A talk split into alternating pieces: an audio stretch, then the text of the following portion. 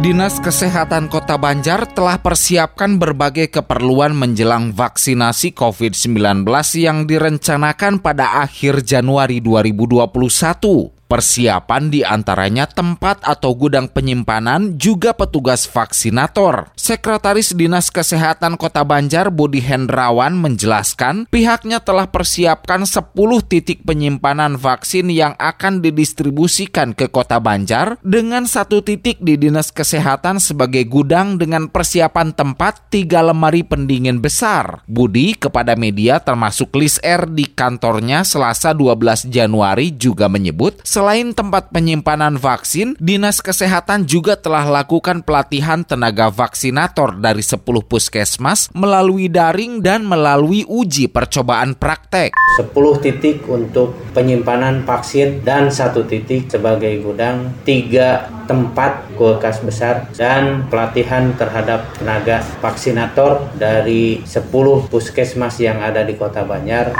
Kilas Radio. Kilas Radio. Kilas Radio. PR SSNI Jabar Wilayah Priangan.